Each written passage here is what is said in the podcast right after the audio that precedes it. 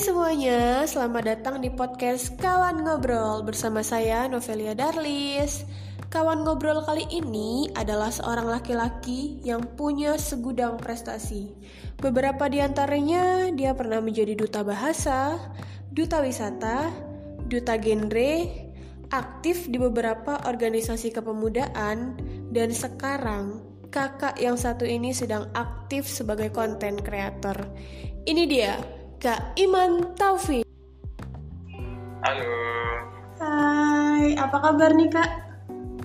baik, alhamdulillah selalu sehat. Oke, sekarang kesibukannya apa nih Kak?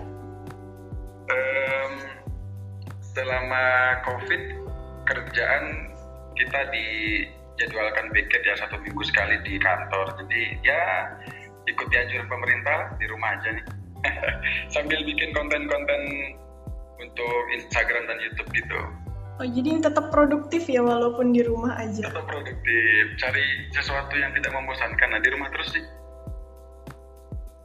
Oke, masih banyak juga sih orang yang tetap rebahan, menikmati liburannya, tapi Kak Iman tetap memilih untuk tetap produktif. Keren, keren, keren. Ini kemarin aku udah nonton video Kak Iman yang diupload di YouTube. Oh gitu ya ya. Iya, itu ceritanya ada ibu-ibu yang terkena dampak COVID, lagi minta tolong bantuannya ke Kak Iman. Mungkin teman-teman yang dengerin podcast ini nggak tahu dan belum nonton videonya Kak Iman. Boleh dong Kak Iman ceritain sedikit kronologinya?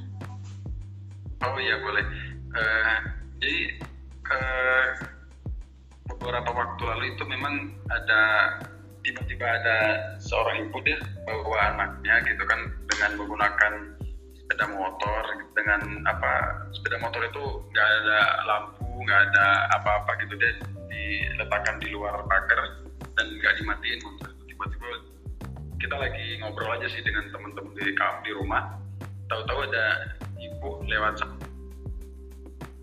hal itu minta bantuan tapi satpam kan nggak bisa mengarahkan ke mana-mana. Akhirnya saya dipanggil gitu. Pas dipanggil ternyata seorang ibu bawa anak-anak anaknya yang masih kecil itu gitu. Akhirnya saya tanya ibu perlunya apa kebetulan ibu tuh bilang sebelum dia minta yang dia inginkan itu dia cerita dulu bahwa beliau seorang penjual sudah eh, selama masa covid ini omset penjualannya menurun bahkan hampir tidak sama sekali. Satu hari itu mereka tidak pernah dapat keuntungan sepeser pun gitu. Dan orang apa? Eh, yang paling parah itu ketika kita tanya suaminya ke mana dan kerja apa ternyata eh, ini yang saya tidak ceritakan di YouTube ya karena mungkin eh, terlalu panjang ininya apa, Mhm. ceritanya story jadi waktu itu ibu itu bilang saya ditinggal suaminya kemudian suaminya eh, apa sudah lama tidak pulang ke rumah dan lain sebagainya akhirnya dia tidak mampu menyanggupi kebutuhan keluarganya sehari-hari sampai eh, terakhir dia bilang minta tolong belikan token listriknya. Sampai dia bawa kertas nomor token listrik kan. Sudah lama kita sedikit ngobrol akhirnya saya tidak pikir panjang karena mungkin juga sudah dari sore. Kebetulan waktu itu jam setengah sepuluh lewat ya ibu itu datang dan mati lampu ibu itu rumahnya sudah sudah mati lampu sejak sore. Beliau keliling cari bantuan ke mana-mana tidak ada yang bantu. Akhirnya singkat cerita saya kasih lah eh, bantuan sesuai dengan kebutuhan. Dan yang paling eh, saya sesalkan ya karena apa? Pada waktu bersamaan uang di dompet itu betul-betul eh, pas dengan apa yang ibu itu inginkan dengan jumlah yang beliau inginkan gitu. Jadi sedikit eh, menyesal aja tidak Tidak apa namanya persiapan uang yang lumayan atau minimal bisa lebih memberi ke ibu itu gitu.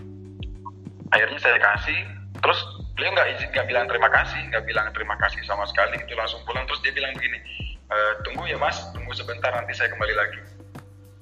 Gak lama kemudian ternyata memang ibu itu balik lagi.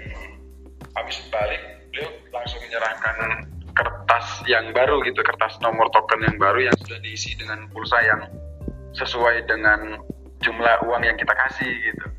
Akhirnya saya coba lihat ternyata benar.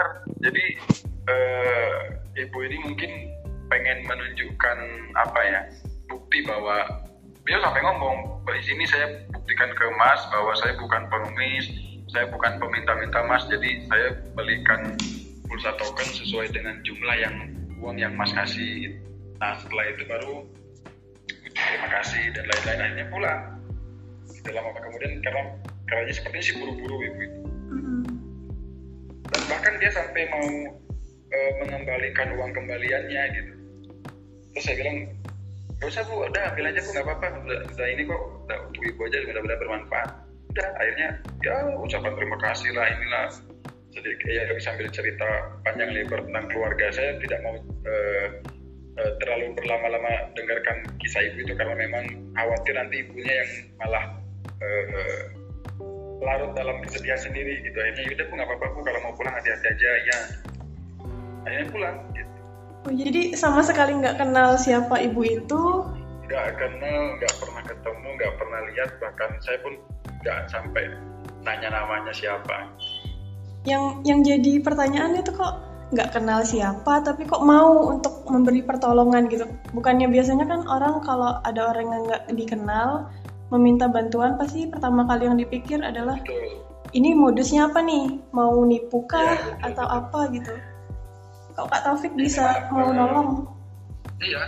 Awalnya juga kita sempat bukan ragu sih cuman pengen lebih mendalami aja gitu kan. Makanya saya tanya e, pekerjaan ibu apa kemudian kenapa bisa ke sini keperluannya apa suaminya apa kerjanya apa dan setelah melihat kondisi seperti itu kayaknya uh, kurang baik juga kita terlalu apa namanya apa sih bertanya lebih dalam soal uh, siapa ibu itu kalau mau bantu ya bantu aja gitu yeah. kan iya. akhirnya nggak lama kemudian dah bu tunggu sebentar bu ya saya ambil duit dulu ke dalam ambil ke kamar saya kasih gitu aja tanpa pikir apa apa sih jadi yang saya ambil kesimpulannya adalah ketika mau berbuat baik nggak harus perlu tahu siapa orang itu. Kalau mau tolong ya tolong aja gitu ya.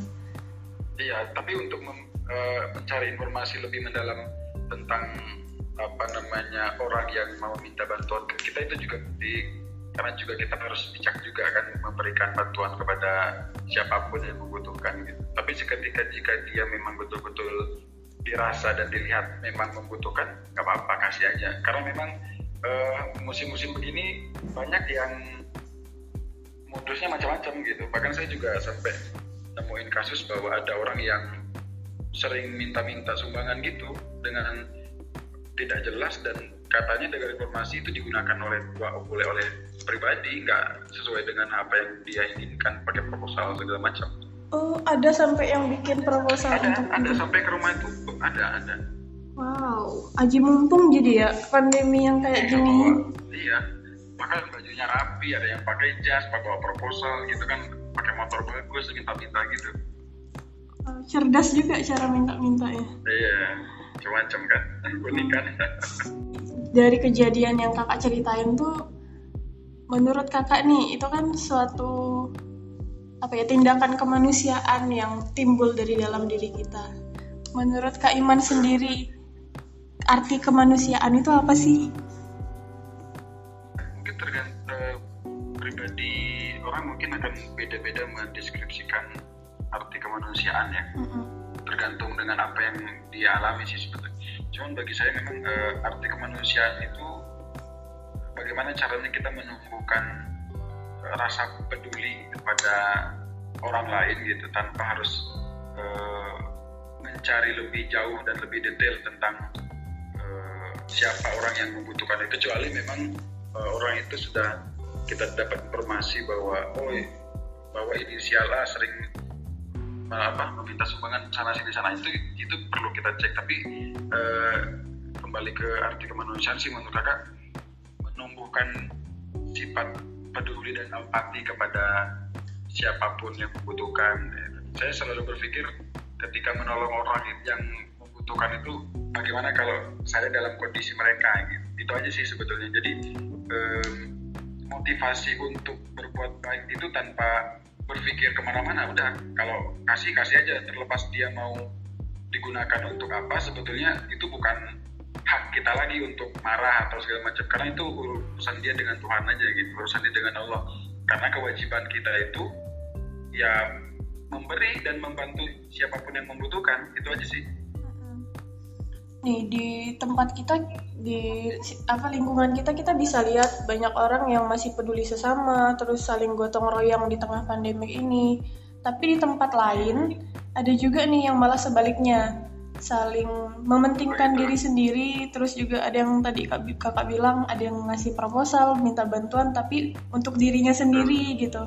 Terus ada juga yang sampai melakukan kriminal kayak mencopet untuk dan itu dibenarkan oleh mereka karena di tengah situasi yang kayak gini.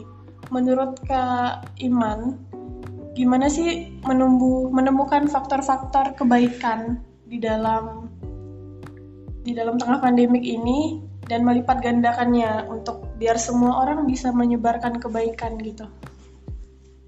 Iya, um, yang jelas dalam kondisi seperti ini kita memang uh, sulit untuk menebak siapa menebak siapa yang uh, betul-betul membutuhkan atau tidak ya. karena uh, biar bagaimanapun kita diwajibkan untuk membantu aja tok di situ gitu nah um, terlepas karena begini uh, ada saya punya teman yang memang dia suka sedekah gitu guys sudah berinfak kemudian rajin memberikan bantuan ke, ke lembaga kemanusiaan gitu. Tapi di tengah pandemi ini ternyata juga itu mempengaruhi jumlah nominal yang biasanya dia kasih ke yayasan atau ke orang-orang yang membutuhkan gitu. Karena itu juga berpengaruh ternyata. Apalagi kepada mereka yang tadi seperti ibu tadi gitu. Ibu itu betul-betul kondisinya sangat membutuhkan sekali gitu. Meskipun di tempat lain sih banyak juga orang yang tidak peduli dengan hal itu karena mungkin juga mereka merasa sebagai korban dan merasa sebagai orang yang sama dengan kondisi di mana orang juga sudah sangat saling membutuhkan gitu. Mungkin berpikirnya apa um, bagaimana saya mau membantu orang sementara kondisi saya pun perlu dibantu gitu. Mungkin itu yang um, membuat sebagian orang itu enggan di kondisi seperti ini saling membantu mungkin ya. Itu itu hanya gambaran aku aja gitu. Tapi benar-benar berasa sih kak. Kayak di tengah-tengah kayak gini tuh kita semakin tahu bahwa mana orang yang benar-benar punya rasa kemanusiaan ya betul karena gini uh, orang tuaku jualan juga loh jadi hmm. itu dampaknya juga sangat terasa betul ke ketika ngobrol dengan orang tua tuh betul-betul 90 derajat itu betul-betul hampir 100% pemasukan yang biasanya kita dapat itu di masa pandemi betul-betul habis itu. Jadi kalau nggak kuat-kuat kayaknya kalau nggak kuat uh, apa ya, kalau nggak kuat-kuat ya intinya udah ya stres atau mungkin karena terbebani kemudian minta-minta dan lain sebagainya sampai mungkin menghalalkan segala cara. Mm. Jadi kita nggak bisa nyalahin nyalahin manusianya saja sih kayak itu karena memang kondisi kita sedang seperti ini ya siapa yang seharusnya siapa yang punya rezeki lebih dia yang harus membantu tanpa harus ada orang dulu yang minta-minta gitu kan sudah banyak tuh sekarang kan uh, orang yang peduli tentang kemanusiaan bagi-bagi apa sembako di pinggir-pinggir jalan gitu kan sampai ngantar ke rumah-rumah dengan uang pribadi gitu. Perusahaan-perusahaan juga melakukan hal itu. Banyak sih. Iya. Dan sekarang juga banyak yang melakukan kebaikan terus mereka menyebarkannya di media sosial dengan tujuan ya. agar ngajak teman-teman yang lain untuk melakukan hal yang sama.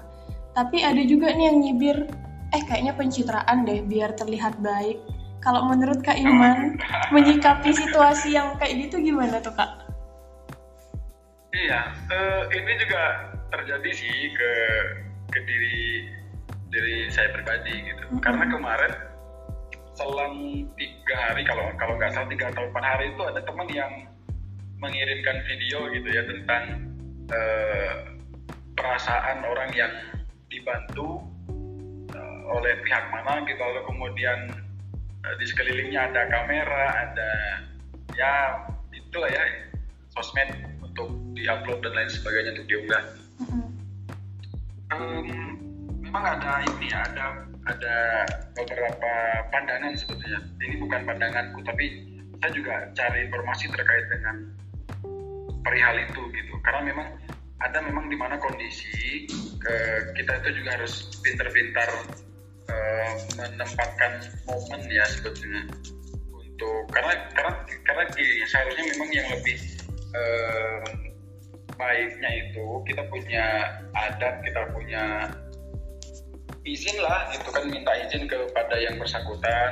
Mm-hmm. bahwa kalau memang ini kita dari yayasan kita dari lembaga minta izin untuk difoto minta izin untuk direkam ini untuk dokumentasi. Selagi yang bersangkutan itu mengizinkan saya kira itu tidak apa-apa. Gitu. Bukan cuma satu dua orang yang donasi kan begitu ya. Yeah. bahkan bisa puluhan sampai ratusan. Nah terkadang di antara ratusan orang yang uh, memberikan bantuan kepada yayasan itu juga butuh pengakuan dan butuh kepastian bahwa yayasan dan lembaga yang uh, dia kasih bantuan itu betul-betul tersalurkan dengan baik gitu. Jadi sehingga memang ini juga dilema oleh orang-orang yayasan. Seperti di sisi lain dia juga tidak enak dengan orang yang bersangkutan, yang prasejahtera dan lain-lain sebagainya gitu kan.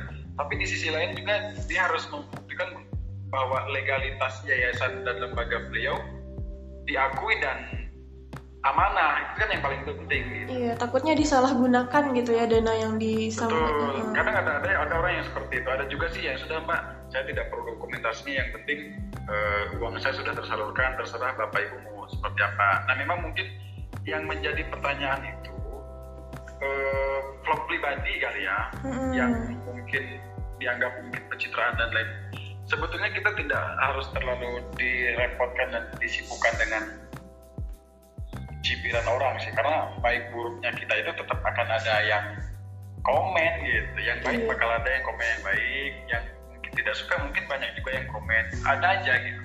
Yes, iya yang jelas uh, karena begini prinsipnya kan niat itu kan uh, setiap aktivitas itu kan diawali dengan niat tergantung dengan niat gitu kan. Agama kita kan mengajarkan seperti itu. Mm-hmm. nah terlepas nanti uh, apa namanya orang mau bilang apa bagi saya itu normal dan itu hak mereka. Kita tidak perlu marah kepada orang yang mencibir menghina atau apa dengan gerakan kita. Justru uh, saya berterima kasih gitu kepada mereka yang mencibir atau mungkin menegur ya. Mungkin lebih lebih tepatnya mengkritik lah ya. Tidak tidak terlalu tepat kalau bilang mencibir gitu ya. Terlalu kasar juga sih.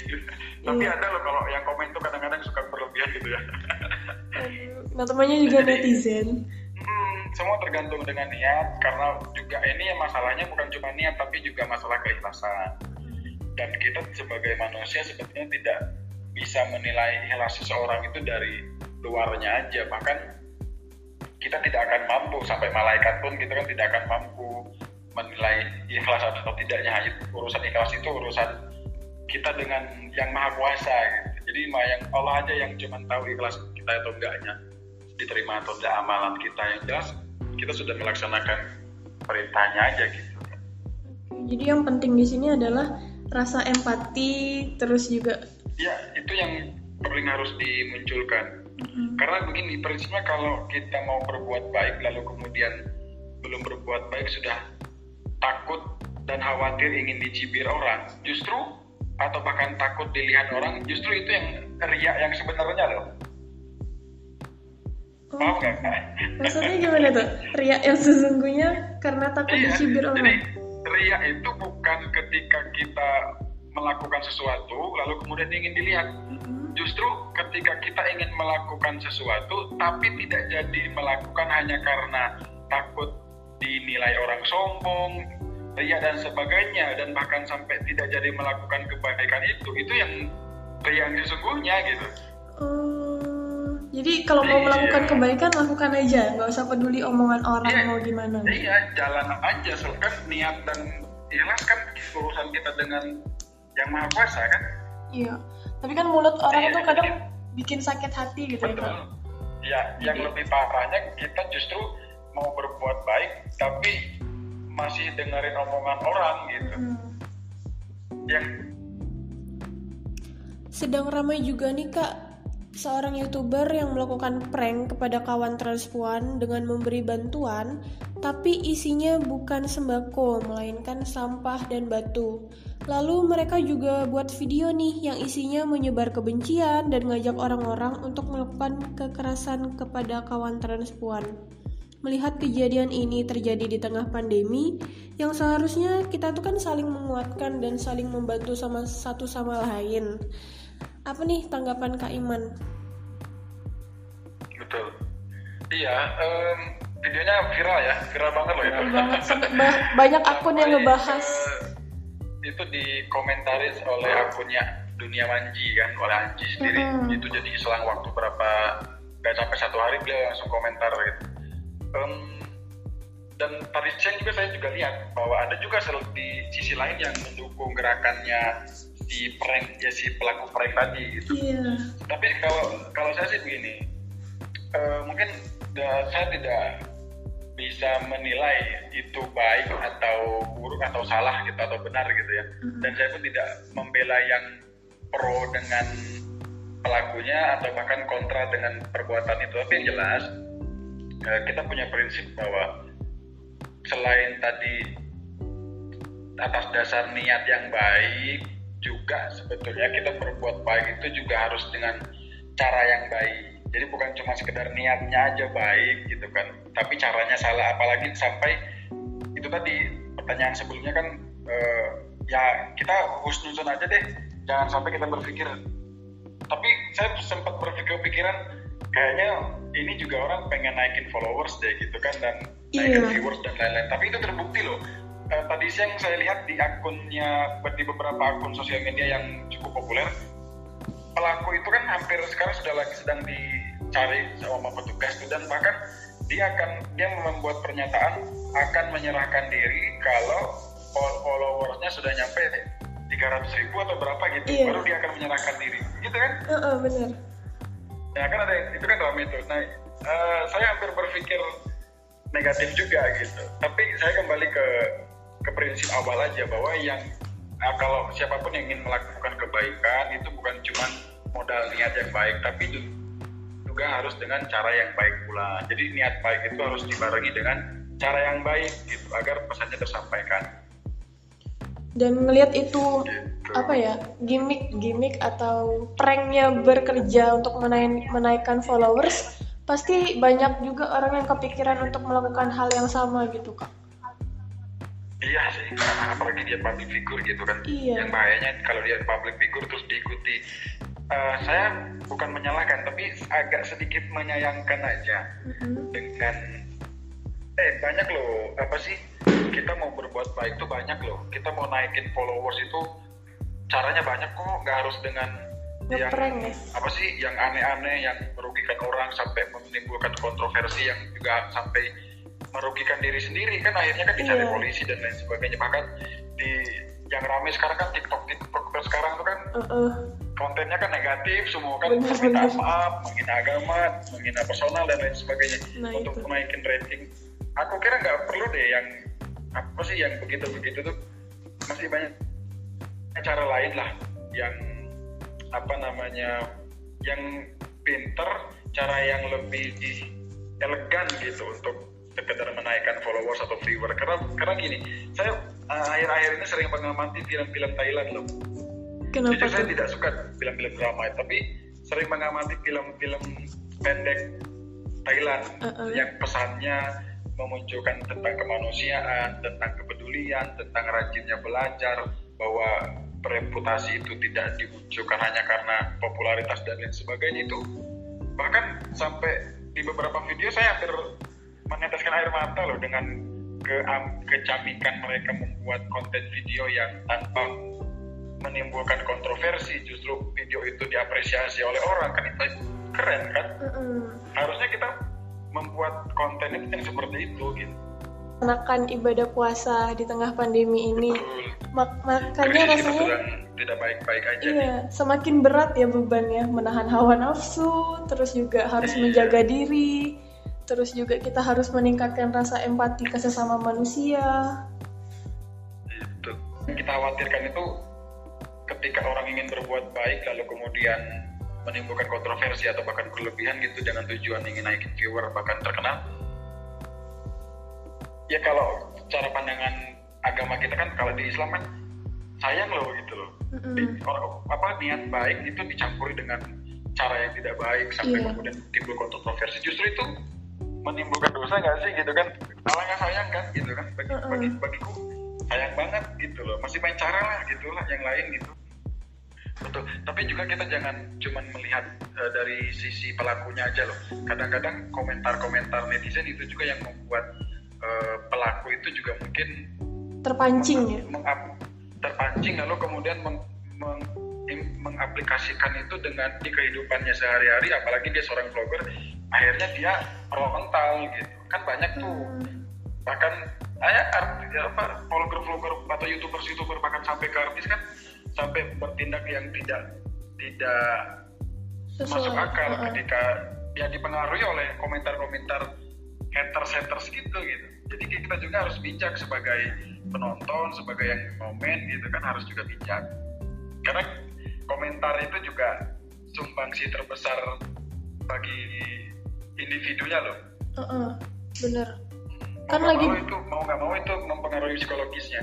kan lagi rame tuh juga bisa sebesar Lucu ya, itu unik, eh, Heeh. ya, warga 62 sebesar itu efek dari sebuah komentar ada himbauan nggak kak untuk untuk teman-teman yang suka komen ada himbauan nggak? Biar nggak terjadi lagi kejadian-kejadian yang serupa. Iya, sebab kita pada prinsipnya tidak bisa menghalangi seseorang itu untuk berbuat ya baik itu buruk maupun baik ya. Karena memang pada dasarnya sih kita kan sudah di, di kita dilahirkan ke, oleh oleh Allah itu dilahirkan sebagai manusia itu itu memang eh, punya dua bekal gitu. Satu nilai kebaikan satu nilai keburukan. Kan tergantung nanti yang menjalaninya mau pilih yang kebaikan mau yang pilih keburukan kan gitu. Jadi kita tidak bisa melarang seseorang eh, sampai yang berlebihan ya sampai komen yang tidak baik yang eh, eh apa kampungan banget sih lu apa yang lakuin orang gitu kan. Eh Iya. jadi followers gini gini gini gak gini juga kali gitu. Sampai ada yang keluar kata-kata kotor gitu jadi kita sekali lagi tidak bisa eh, mencampuri perilaku orang terhadap apa yang mereka lakukan. Tugas kita itu cuma satu sebetulnya. Tugas kita itu menasihati. Itu aja sih. Tugas kita menasihati. Setelah kita menasihati, lalu kemudian yang bersangkutan masih mau berbuat yang buruk atau yang sesuatu yang mungkin merugikan orang lain bahkan merugikan diri pribadi, tugas kita itu sebetulnya udah selesai loh. Jadi kita kan juga sebagai penonton, sebagai orang yang melihat kejadian itu tidak perlu menanggapi berlebihan, kita tidak perlu effort yang berlebihan gitu loh. Cukup biasa-biasa aja. Yang paling penting itu bijak dong, bijak aja sih menanggapi hal-hal yang demikian. Kalau dia salah ya tadi japri gitu kan. Kalau tidak bisa menasihati secara lisan ya ketikit sesuatu kayak kirimin video kayak sadar nggak sadar beliau kan urusan dia dengan yang maha kuasa urusan kita untuk menasihati. Selesai cukup sampai di situ. Jadi kita nggak perlu sampai berlebihan gitu menasehatin orang di media sosial. perlu. Apalagi- kadang-kadang niat kita baik menasihati dengan cara yang salah itu tadi menimbulkan persepsi yang berbeda oleh individu tadi ditambah lagi dengan eh, dibantu juga dengan komen-komen yang saling menimpal gitu Mm-mm. akhirnya orang berpikir ah sudahlah kayaknya yang gue lakuin kayaknya bener deh gitu kan banyak yang komen ya udah gue lakuin aja daripada ngomongin apa apa peduli netizen gitu kan ya udah terjadilah hal yang tidak diinginkan apalagi orang yang nggak dikenal yang komen Iya. Dia lebih bijak aja sih sebagai penonton karena kita juga berperan penting loh terhadap apa yang orang lain lakukan gitu. Ujung-ujungnya jadi pembulian terus pembulian Jadi bikin ujung-ujungnya dia dibully dia ditangkap kan kita ujung-ujungnya nyinyir juga kan. Heeh. Bukannya menambah memberikan solusi kan. jadi solusinya cukup sekali aja menasehati kalau misalnya nggak didengar ya udah yang penting kita Ya, sudah satu mencoba sampai tiga kali lah. Tiga satu, kali. satu, dua, tiga kali kalau masih masih nggak cukup dinasihati juga jangan di- dibiarin ya. Hmm. Salah satu eh, apa? Em, salah satu cara terakhir ya doakan. dan cara menasehatinya juga bukan di depan orang banyak tapi personal gitu ya kak lebih baik dan lebih aturan agama kita tuh ya langsung ke individunya aja nggak perlu di kan di depan orang banyak. Terus di bulan syukur-syukur kalau yang bersangkutan kuat gitu menghadapi nyinyiran kalau nggak kuat bisa nyeleweng itu banyak juga kok yang iya kan? berakhir bunuh diri terus melakukan Iya. kekerasan terhadap diri sendiri karena sering dibully. Betul betul. Itu fakta fakta itu membuktikan loh. Iya kan? Mm-mm. selama bulan Ramadan kakak kegiatannya apa aja nih kak? Hmm, ya selama bulan Ramadan di pertama di rumah aja, kedua selain tadi buat konten Instagram uh, memenuhi target-target di- pribadi aja sih. Kayak misalkan uh, karena mohon maaf uh, saya setiap setiap tahun itu kita punya kelompok pengajian gitu kan. Oh. di dalam kelompok itu selama bulan Ramadan itu kita punya targetan individu sih. Seperti misalkan eh, sodakohnya setiap hari kemudian infak kemudian ya kalau kita di Islam itu ya misalkan sholat tahajud tarawehnya seperti apa lalu kemudian sampai ke tilawahnya sudah berapa juz hari ini gitu kan Iya. target kita bulan ini berapa kali hatam itu sih jadi eh, alhamdulillah banyak kebaikan yang ternyata eh, yang selama ini kita abaikan di bulan-bulan Ramadan sebelum-sebelumnya karena Ada juga nih kak yang lagi heboh. Sekarang kan karena lagi ada virus corona, banyak tempat ibadah yang ditutup sementara agar mengurangi penyebaran virus. Tapi banyak yang kontra dan bilang, kok orang ibadah dilarang-larang sampai ada yang demo segala macem. Dan di media sosial juga rame membahas. Em, saya sih bukan menurut pandangan saya jadi ini juga eh, kita juga coba kaji kita juga coba mencari pandangan yang baik di Mhm. antara eh, polemik ini gitu kan Iya. ada yang mengatakan kalau saya sih lebih eh, sepakat dengan keputusannya pemerintah dalam hal ini kan MUI itu kan memutuskan bahwa eh, sementara masjid-masjid eh, dibatasi dalam sholat gitu. bukan bukan dilarang dan ditutup Mhm. kalau di Pangkal Pinang justru tidak ditutup kan ada beberapa masjid juga yang masih melaksanakan sholat karena himbauannya kan seperti itu tuh poin-poinnya tidak ditutup dan tidak dilarang Iya. tidak jadi yang mau yang berkeyakinan eh, yakin bahwa tidak terpapar dan aman kondisi lingkungan ya apa- nggak masalah untuk sholat ke masjid. Mm-mm. Jujur saya selama dari awal aturan itu diterapkan sampai hari ini saya sholat di rumah, taraweh di rumah, apa apa di rumah. Jadi Nah. yang tadinya karena dekat masjid itu dekat 50 meter dari rumah, Oh. jadi sam- sampai azan azan maghrib atau azan azan sholat pun saya tetap di rumah tidak ke masjid. Nah itu solusinya jadi nggak harus ke tempat ibadah tapi kita bisa ibadah di rumah masing-masing juga kan? Betul, ke- karena secara tinjauan agama yang saya yang pelajari beberapa akhir-akhir ini, Mm-mm. em, selagi itu baik untuk kemaslahatan atau kebermanfaatan bersama, Iya. itu tidak menjadi persoalan untuk kita tidak sholat di masjid. Mhm. Karena sholat di masjid itu kan sebagian orang orang atau ulama menganggap itu kan bukan wajib. Iya. tapi itu kan sunnah muakkad atau sunnah apa gitu kan nah jadi di dalam satu kajian kita hanya memindahkan sunnah di masjid dengan sunnah yang kepada sunnah yang lain gitu karena eh, kalau kita baca sejarah ternyata dan apa bencana seperti ini itu bukan terjadi sekarang aja gitu bahkan dulu contohnya gini deh Italia aja ya kan yang Mhm. tidak mengimbau tidak menghiraukan imbauan pemerintah yang terjadinya apa Makin parah. korbannya kan sampai makin parah gitu kan. Hmm. Nah kita sebagai uh, warga juga harus bijak juga gitu. Ketika pemerintah menerapkan suatu hukum, apalagi MUI, saya berkeyakinan kalaupun nanti MUI itu melakukan hal yang salah, yang dosa itu bukan kita loh. Iya. Karena kita selaku masya- masyarakat kan mentaati pemimpin dan aturan-aturan yang ada. Mm-mm. Selagi itu dipandang baik dan ya, ke- kebermanfaatan untuk orang banyak dan tidak merugikan orang lain, itu bagi saya sah-sah aja. Iya. Hanya Lagian juga. memang jangan dibanding-bandingkan dengan kenapa masjid ditutup atau dibatasi di keramaian sementara mall, pasar dan lain-lain itu masih buka. Iya. Secara pandangan ekonomi juga, ekonom juga berpendapat kalau nanti pasar itu tutup atau aktivitasnya dibatasi, mungkin orang kebutuhan orang untuk hidup akan sulit gitu. Mm, benar. Yang jelas kembali ke diri kita sendiri. Toh kalau memang masjid tidak boleh berkumpul ramai, kita pun jangan ikut-ikutan ke pasar rame-rame kumpul-kumpul Benar. gitu seperti biasanya. Kan sekarang ada ada GrabFood, ada GoFood, kan Hmm. online banyak tuh untuk pilih belanja makanan kan. Iya. Kan ada solusi-solusi lain. Jadi kita juga harus bijak sih, jangan cuma mengkritik yang satu, yang satu diabaikan gitu. Kita menolak masjid keluar-keluar gini-gini, eh tahu-tahu besoknya kita ke bioskop, besoknya kita ke mall, besoknya kita ke pasar. Saya kira itu juga kurang tepat sih.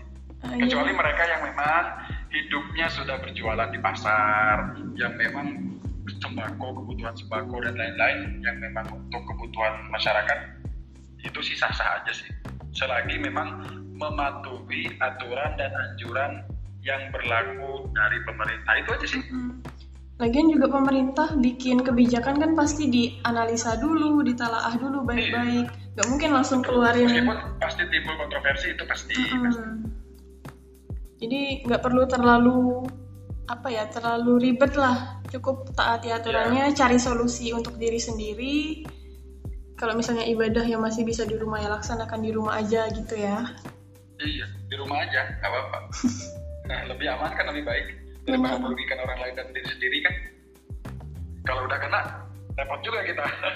Iya. Ini aja udah hampir udah tembus 10.000 ribu kan di Indonesia.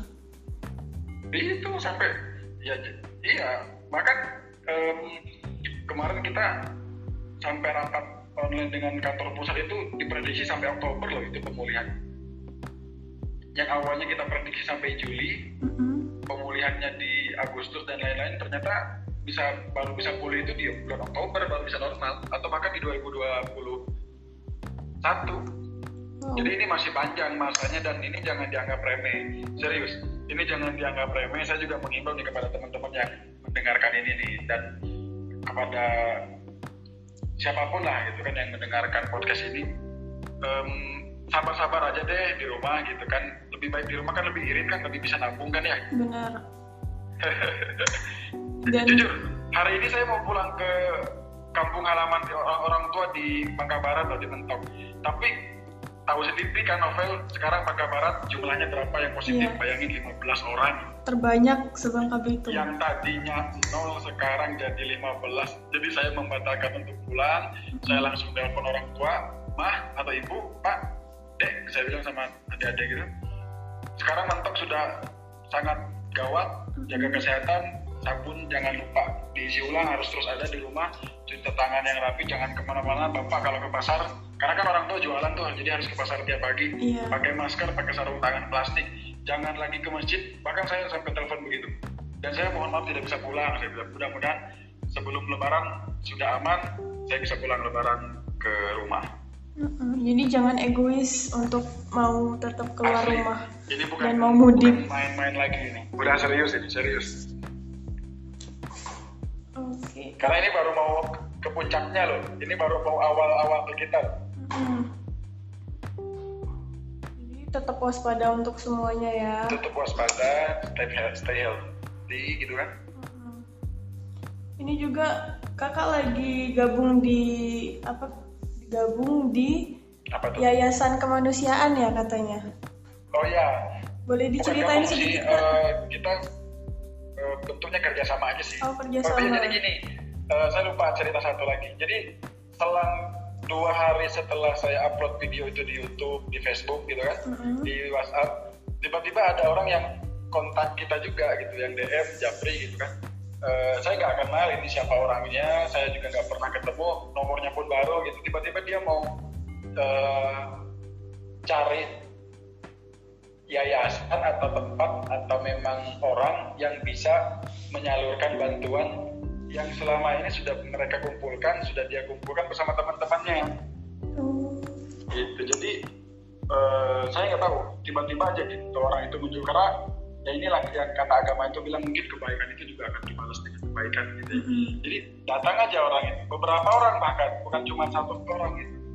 Dengan amplop yang masih tertutup rapat, saya tidak, saya sempat nyebut apa, uh, nanya nama, beliau tidak mau sebutkan nama, bilang aja ini dari hamba Allah. Bahkan satu orang itu kemarin saya terima 8 sampai 9 amplop loh. Wow. Dan itu saya posting di Facebook. Itu ada amplopnya 9 jumlahnya 9 dan di sebelah foto di sampingnya itu ada serah terima antara saya dengan yayasan yang hari ini.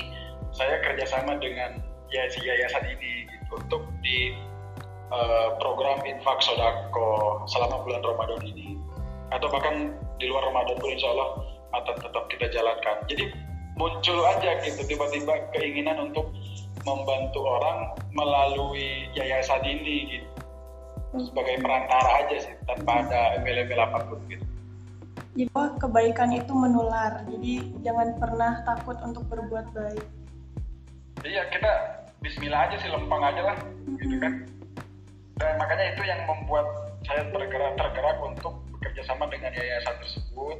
Nama yayasannya boleh saya sebutkan nggak sih? Boleh kak. Siapa tahu ada yang mau membantu dan ikut menyalurkan dana. Oh iya.